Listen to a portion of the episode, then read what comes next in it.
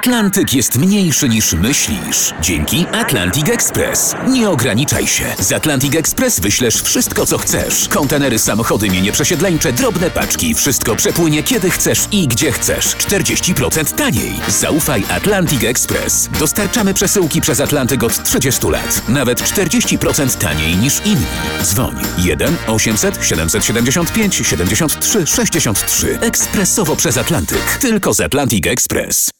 Jasna strona świata. O swoich podróżach opowiada Marek Tomalik. Dziś po jasnej stronie świata Piotr Kłodkowski był ambasador Rzeczpospolitej w Indiach, laureat nagród imienia Beaty Pawlik i Józefa Tischnera, profesor w Katedrze Porównawczych Studiów Cywilizacji Uniwersytetu Jagiellońskiego. Wracamy do Indii, ale dziś wyłącznie w formacie Bollywood.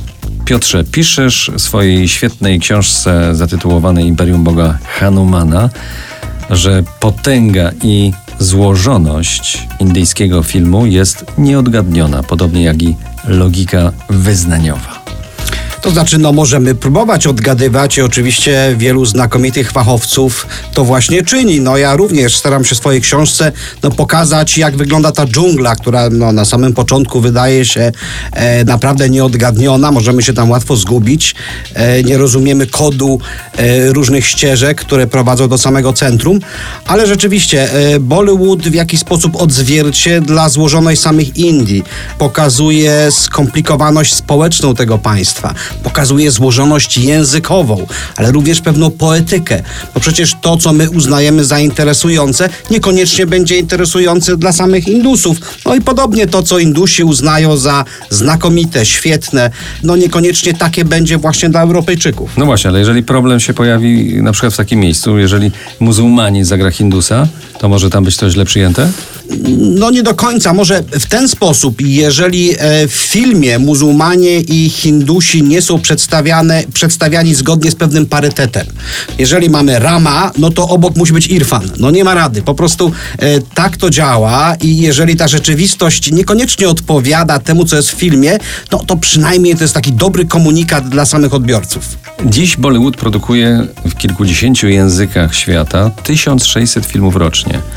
W sensie ekonomicznym to 3-4 miliardy dolarów rocznie. To jest przecież ogromny przemysł. Tak, no Bollywood, chociaż Bollywood tak naprawdę e, to jednak kino głównie hindi języczne z elementami języka urdu, bo pozostałe części kinematografii indyjskiej mają swoje nazwy, jak Tollywood, Lollywood. Oczywiście to jest pewna kopia tego Bollywoodu, no tak to się nazywa w takim e, powszechnym odbiorze, ale Bollywood, który jest skoncentrowany w Bombaju, no bo to jest, czy obecnie to Mumbai, e, raczej produkuje filmy hindi języczne. No dodajmy, hindi to jeden z języków najważniejszych w Indiach. To praktycznie język, w którym przygotowuje się dokumenty państwowe e, i posługuje się nim w parlamencie ogólnoindyjskim, obok języka angielskiego. Te dwa są tylko dopuszczalne. Język tu odgrywa bardzo ważną rolę. Pamiętajmy, no Indie to ponad miliard mieszkańców, to ponad 20 języków oficjalnych, no więc ta wielość języków powoduje, że nawet na ekranie bohaterowie tak naprawdę przeskakują z jednego języka na inny. Ale to jest bardzo częste zjawisko. To jest jakby tak naturalne. Ten Hindus, i to nikogo nie dziwi, widza, który ogląda ten film, w jednym języku rozmawia z pracodawcą, w innym z matką, a jeszcze w innym ze swoim dzieckiem. No właśnie, jak zrozumieć fenomen indyjskiego kina? Trzeba nam będzie sięgnąć do starożytnej tradycji, mitu i kultu religijnego i myślę, że nie tylko. O tym opowiemy za kilkanaście minut. To jest jasna strona świata w RMS Classic.